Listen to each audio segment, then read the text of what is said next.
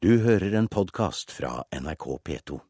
Det må lønne seg for kunstnere å selge kunsten de lager. Det mener kulturministeren, som vil endre den såkalte garantiinntektsordningen.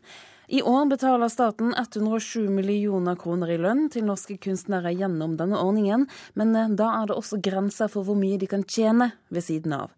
Dette er en bremsekloss for kunstnere som vil tjene penger, mener Anniken Huitfeldt. Ja, vi har ambisjoner om å foreslå endringer i løpet av våren. Eh, og så vil vi komme tilbake til den enkelte organisasjon når vi skal diskutere dette med dem. Det sier kulturminister Anniken Huitfeldt. I dag er rundt 500 kunstnere sikret en inntekt fra staten på 215 000 kroner i året. Disse pengene får de fram til de fyller 67 år. Ulempen er at de bare har lov til å tjene 79 000 kroner ved siden av før de mister en del av grunnstøtten. Dette kalles avkortingsregelen, og den er ikke kulturministeren særlig begeistret for. I for stor grad så fungerer dette at man kan tjene 79 000 kroner i tillegg som en slags inntektsgrense for en del kunstnere at de kanskje har mulighet til å selge en del av bildene sine dyrere. Slik at jeg er opptatt av å få en god stipendordning, for det må vi ha for å få utvikle gode kunstnerskap i Norge. Også blant de som er eldre, etablerte kunstnere. Men at det i større grad skal lønne seg å selge kunsten. Dette har vært altså debattert nå i flere tiår. Og man har liksom lurt om når skal øksa falle, på en måte. Når skal GI utfases, og hva kommer som alternativ? Det sier Lise Stang Lund i Kunstnernettverket, som representerer norske kunstnere.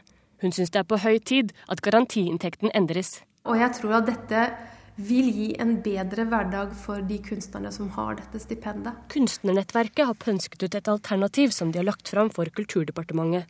De foreslår at kunstnere bare skal få støtte i ti år av gangen, men at de skal kunne tjene så mye de vil ved siden av. I tillegg vil de ha et eget seniorstipend for de over 57 år. De to stipendene sammen tar vare på de viktigste kvalitetene i dagens garantiinntektsordning.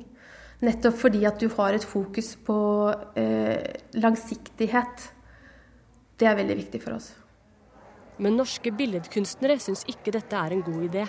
Ja, jeg tror kunstnerne er redd for at eh, en så viktig ordning som eh, GI, som har eksistert i 40 år, skal da bli utradert på noen få uker. Det sier Hilde Rogenskog, som er styreleder i Norske Billedkunstnere. Norske billedkunstnere er opptatt av at de ordningene som finnes skal fungere over lange perioder for billedkunstnere, sånn at de får ro, og de skal fungere i et livsfaseperspektiv. Det er en veldig stor forskjell på å være ung kunstner og eldre kunstner. Og vi trenger ordninger, f.eks. GI, som er med på å ta hensyn til de som er over 45 osv. Hilde Rognskog er styreleder i Norske Billedkunstnere. Reporter her, det var Ina Strøm. Inn i studio har Ib Thomsen kommet. Du er eh, medlem i Fremskrittspartiet. Du sitter i familie- og kulturkomiteen på Stortinget. Det blir eh, endringer sannsynligvis. Hva tror du er den beste løsningen for eh, norske kunstnere? Ja, jeg syns det er flott at statsråden tar opp dette her, og jeg er glad for at hun går inn i og går i dybden i dette her. For dette er jo noe Fremskrittspartiet har pekt på lenge, at kanskje man skal stimulere til produksjon av kunst og ikke bare lønn. For det har kanskje ikke vært stimulerende nok å bare lønne noen, men kanskje heller komme inn og bidra med noen såkornfond eller noen stipendordninger som man setter opp imot prosjekter. Det, ja, jeg må nesten spørre deg da, Hvordan stimulere på en bedre måte, da? Nei, det var jeg jo litt inne på akkurat nå. Det var jo at man eh, kanskje lager et fond eller et såkornsfond for unge kunstnere som er nyutdanna og som sitter med studielån. La de få slippe til i noen år, være forutsigbar på det.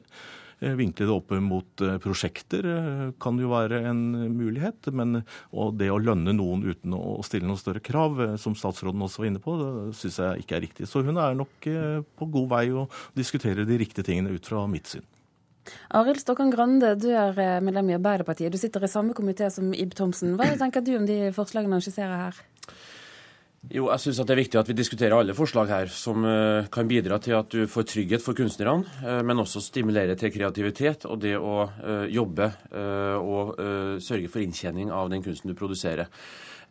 tanken bak den garantiordningen vi i dag har, var jo opprinnelig at alle kunstnere skulle få en inntekt. Så har vi heldigvis de siste årene sett en enorm oppblomstring i antall kunstnere i landet vårt, og det utfordrer oss. og svakheten med ordningen i dag, er jo nettopp det at det ikke lønner seg å ha stor suksess med kunsten sin. Da får du avkorting. Så vi må få et system som sikrer en trygghet i bunnen, men som stimulerer mest mulig til at du tjener penger på kunsten din, men også jobber ved siden av, f.eks. som lærer, f.eks. som kursholder osv. Hvordan ser en slik ordning ut? Nei, Det kan jo være den, eh, det stipendordningen som er foreslått fra Kunstnernettverket. Eh, og eh, jeg syns jo at andre kunstnere f.eks. kan lære av musikere, som i alle år har vært vant til å tenke hvordan tjene penger ved siden av. F.eks. ved å være lærere, f.eks. ved å delta på kurs, reise rundt, bidra med sin kunst til nye grupper. Og det syns jeg at kan være et godt eksempel som andre kan lære av. Ib Thomsen, Hva synes du om det konkrete forslaget fra Kunstnernettverket her om en eh, stipendordning i ti år? Ja, jeg syns kanskje tiden er noe lang. Eh, så, men jeg kan jo diskutere stipend, og det syns jeg er riktig at vi gjør. Men at det skal være ti år, det er jeg noe usikker på. Jeg Hvorfor synes, det? Jeg syns heller skal det vinkles opp imot, som jeg sa, konkrete prosjekter. Eh, det må jo være bedre og, og forutsigbart for kunstneren. Eh, og jeg syns ti år er kanskje lang tid. Også, som jeg var inne på innledningsvis, det var jo at hva gjør vi for de unge kunstnerne som går ut og som er nyutdanna og som sitter med studielån? Hvilke såkornstanker er det vi har rundt dem. Det må jo være viktigere enn at eh, vi skal da lønne eller eh, lave stipendordninger for gamle kunstnere, og som sier fortjente kunstnere. Hvem er det som skal sitte og avgjøre hva det er som er fortjente kunstnere? Og da er jeg redd for at man sitter og holder nede unge, nyutdanna kunstnere ved at man ikke tenker den såkornstanken. Men ti år syns jeg er for lenge. Men Det som er viktig, er at vi ikke får en ordning som blir dårligere. Altså, Hensikten med det her skal være en ordning som er bedre, mer fleksibel, som stimulerer til kreativitet og utvikling. Eh, ved å få flere uh, prosjekter uh, og den tankegangen inn, ved å tenke mer næringslivsrettet og sånne ting, som Ib Thomsen tar til orde for, så er jeg redd for at vi får mer kortsiktighet, mer utrygghet, og det at kunstnere må bruke mer av sin tid til å lete etter hvilke ulike støtteordninger er som finnes. Jeg tror det er lurt at vi tenker langsiktig, at vi tenker en trygghet i bunnen, men at vi også uh, fjerner de hindrene som er uh, der i dag i forhold til det å tjene gode penger på uh, kunsten sin. Og jeg hører jo her at det er en viss frykt i miljøet. Det er det ingen grunn til å ha, fordi at vi ønsker en ordning som er like god og kanskje bedre.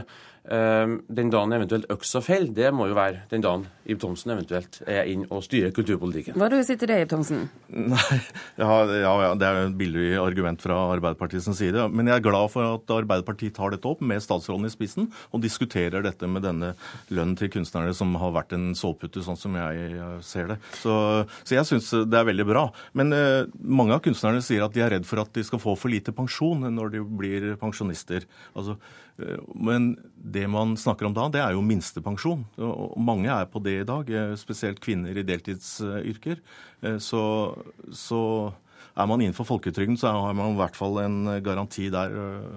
Så kan man heller diskutere om den er stor eller for liten. Så, men at Arbeiderpartiet tar opp dette her nå med statsråden i spissen, syns jeg er kjempebra. Altså, dette er jo Frp-politikk til 1000, så riktig vei. Det er vel kanskje ikke helt riktig, for på FrPs nettside så står det at de ønsker å fjerne stipender. De skal fjerne garantiordninga. Eh, sånn at det er ikke riktig at dette er Frp-politikk. Dette er god sosialdemokratisk politikk for å stimulere til kunst og gi trygghet til de som uh, skaper så mye god kunst for oss. Og Der fikk Arild Stokkan Grandes historie. Takk for at dere var med oss her i Kulturnytt. Takk også til I. Thomsen. Kulturnytt er en del av Nyhetsmorgen. Klokken er 8.14. Hovedsaker i dag. Politiet over hele Østlandet flytter nå fokuset fra boligtyver til lommetyver. I USA øker Mitt Romney forspranget. Han vant republikanernes nominasjonsvalg i New Hampshire. Og Bli med oss videre her i Kulturnytt, for det kommer krass kritikk mot myndighetene i Aserbajdsjan bare måneder før Melodi Grand Prix-finalen. Kampanjen Sing for Democracy i Aserbajdsjan bruker nemlig årets finale i Grand Prix til å rette fokus mot den manglende ytringsfriheten i landet. Eurovisjonen må stille flere krav til Aserbajdsjan. Det mener lederen for kampanjen, Rasul Jafrov, som vi har snakket med på telefon fra hovedstaden Baku. I cannot understand how the European people, also the members of EBU, can share happiness of song contest if in Azerbaijan there are uh, such uh, problems with human rights. Jeg kan ikke forstå hvordan det europeiske folk og medlemmer av Den europeiske kringkastingsunionen kan glede seg over den internasjonale Grand Prix-finalen i Aserbajdsjan, når landet har så store problemer med å overholde menneskerettighetene. Det sier leder for kampanjen Sing for Democracy, Rasul Jafarov. De forlanger at Den europeiske kringkastingsunionen, som arrangerer Grand Prix, krever at Aserbajdsjan frigir politiske fanger og fordømmer menneskerettighetsbrudd. Uh, they can call the Azerbaijan authorities to uh, release political prisoners, to respect the uh, corporate rights of the people. Med sangen 'Running Scared' vant Aserbajdsjan fjorårets Grand Prix-finale, og årets store show blir sendt fra hovedstaden Baku. Men forberedelsene til finalen har skapt problemer. I fjor ble fredssenteret i hovedstaden Baku revet sammen med en rekke andre hus for å få plass til den store hallen som skal huse den internasjonale Grand Prix-finalen. De som har mistet hus og hjem, har ikke fått kompensasjon for tapet, forteller Jafarov. Han forteller at flere lokale aktivister er blitt fengslet, og at ytringsfriheten er blitt innskjerpet. Han forstår ikke hvordan Europa kan synge glade sanger mens de ser inn i øynene på dem som er blitt fengslet uten dom, og som har mistet hus og hjem for at finalen skal bli arrangert. How they can see the eyes of the relatives, of the friends, of the supporters of those uh, persons who uh, uh, under the very open fabricated charges. And now we are preparing a third letter to them. Vi skriver det tredje brevet til Eurovisjonen nå, sier han. De svarer at de ikke vil politisere konkurransen, men vi er ikke politikere, vi jobber for menneskerettigheter, og slik vi har forstått det, har Eurovisjonen samme mål, sier han. Sjef for Eurovision Song Contest, Jon Ola Sand, sier han har fått garanti fra myndighetene i Aserbajdsjan om at sikkerhet og pressefrihet for utenlandske journalister og delegasjoner skal ivaretas. Nei, nå, nå, gjelder jo våre garantier det. Vi har bedt om alle journalister som er der for å dekke Eurovision Song Contest. og Der er på en måte mandatet til Eurovision Song Contest eh, slutter. Så ønsker vi jo å holde den politisk fri, og det har vi gjort i snart, eh, eller fri for politiske budskap, og det har vi gjort snart i 60 år. Så er det jo sånn at EBU som medieorganisasjon er svært opptatt av, eh, av pressefrihet. Og dette tar vi opp med jevne mellomrom. Men for Rasul Jafarov er ikke dette nok. Han mener at Kringkastingsunionen har kommet med krav om løslatelse av journalister i andre tilfeller, og reagerer på at de ikke kommer med samme krav overfor Aserbajdsjan. Uh, tried to uh, explain us that uh, Eurovision is not political uh, uh, political um, contest. It's a, uh, only a cultural contest, and they don't want to act uh, you know, uh, civil rights and uh, freedoms. Reportere her det er Eirin Veno Sivertsen og Gjermund Jappé. Og Aserbajdsjan ligger langt nede på pressefrihetsindeksen til Reportere uten grenser. Per nå så har de 152. plass av totalt 178 land, og de landene er da bl.a. målt på ting som sensur og vold mot journalister. Vår reporter Gjermund Jappé har snakket med Aserbajdsjans ambassadør i Norden, som holder til i Sverige, Rafael Ibrahimov, og spurt hva han synes om denne kampanjen Sing for Democracy. I think we should consider the entire society because, you know, in every country you have dissenting voices. You have people who are unhappy about something, who press their demands, etc.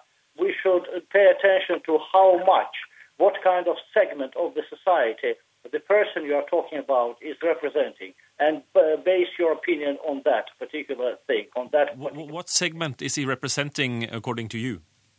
Uh, well, just uh, I think that he represents a very, very small minority of the population. I alle samfunn er det mennesker som ikke er enige i tingenes tilstand, men lederen av Sing for Democracy-kampanjen representerer en svært liten del av befolkningen, sier Aserbajdsjans ambassadør i Sverige, Rafael Ibrahimov. Ambassadøren for landet som har verstingstatus når det kommer til menneskerettigheter, kaller anklagene hårreisende, og han inviterer NRK til en spasertur i hovedstaden Baku, der han sier vi kan få kjøpe alle de opposisjonelle avisene som trykkes i landet. Because, well, about the freedom of press, about the freedom of uh, opinion in the country, Uh, you can, uh, well, just I can invite you to log in any of the opposition newspapers' website and read the latest information. You can walk in the streets of Baku and buy every newspaper of each and every opposition force, dissenting force in the country. Ambassadøren sier videre at eh, alle som har fått revet hjemmene sine i forbindelse med den internasjonale Grand Prix-finalen, har fått kompensasjon. Every time there is a new building which is erected, and you know just well in place of the old, of the uh, dilapidated buildings, the compensation is always paid. Ibrahimov garanterer friheten til gjestende journalister under sangkonkurransen. Ganske enkelt fordi ytringsfrihet og pressefrihet ifølge ham alltid ivaretas i landet. Uh.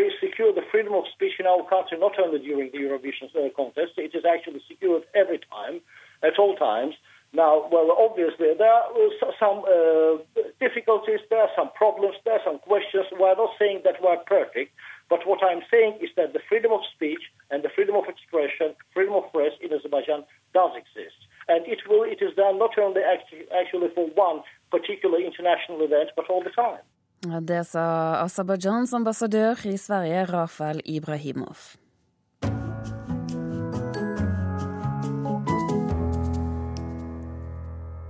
Halvparten av A-pressen kan havne på utenlandske hender etter at selskapet selv solgte TV 2 til Danmark denne uken. Det tror medieforsker Johan Roppen.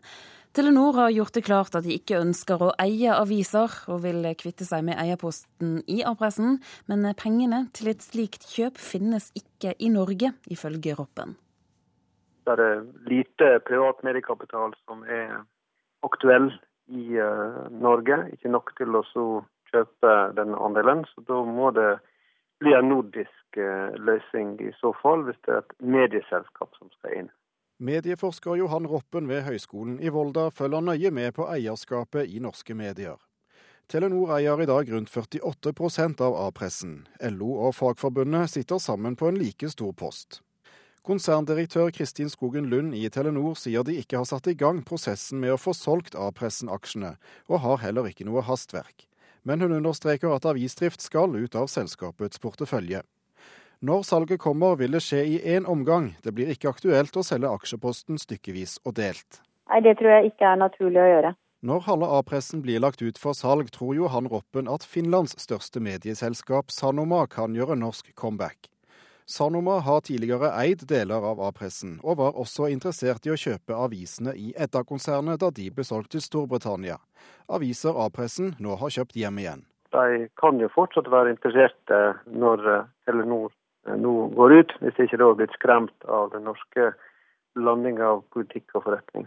Og nettopp politikernes ønske om å regulere eierskapet i norske medier betyr at det blir en utfordring å finne en norsk kjøper, mener Kristin Skogen Lund. Det er klart det er krevende når vi har få medieeiermiljøer, og de miljøene som er, de er underlagt eh, relativt strenge begrensninger med den nåværende medielovgivningen. Så, så det er ikke så veldig mange å ta av, dessverre.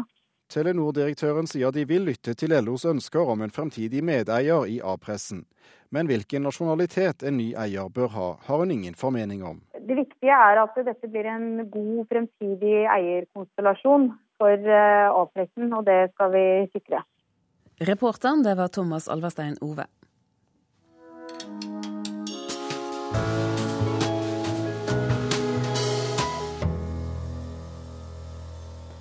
Svenske Linda Olsson, som bor på New Zealand, hun brakdebuterte for noen år siden med romanen 'La meg synge deg stille sanger'. Suksessen var internasjonal, og den var stor, og noen år senere så fylte hun opp med boken 'Taushetens tyranni'. Nå kommer den tredje boken, under tittelen 'Din godhet', og vår kritiker Marta Norheim har skredet verket med store forventninger. Dette er første romanen jeg har lest av Linda Olsson, men jeg har jo fått med meg den rosende omtalen, ikke minst av debutromanen med den vakre tittelen, og håpte at roman nummer tre var strålende saker.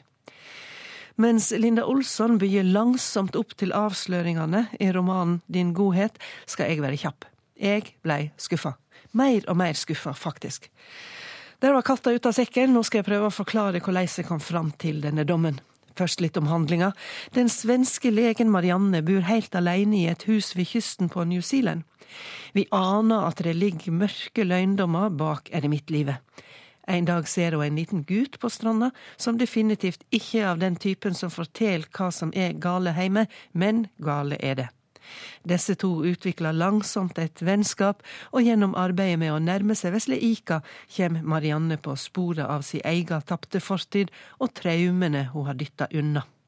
Boka veksler mellom avsnitt fra Mariannes fortid og skildringer av livet på stranda med vesle Ika. Historia om hvordan Marianne og Ika sakte nærmer seg hverandre og finner en måte å samhandle på gjennom kunst og musikk, er gripende skildra og det beste i romanen. Derfor så jeg ei stund stort på de litt svulstige formuleringene og på de veldige prøvingene Marianne har vært igjennom, men etter hvert går det helt av skaftet. Mishandla barn er noe som opprører alle, og historier om lidende, forsvarsløse barn fenger oss og får fram sterke kjensler. Men eh, drastiske handlinger som vekker sterke kjensler, blir ikke automatisk til sterk litteratur.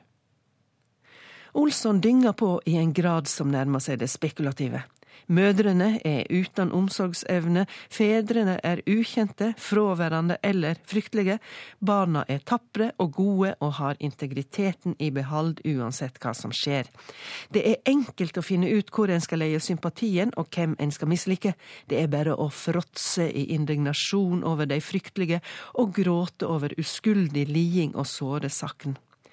Olsson har gjort jobben grundig. Ingen leser skal trenge å bruke tid på å tenke over hvorfor de blir som de blir, og gjør som de gjør.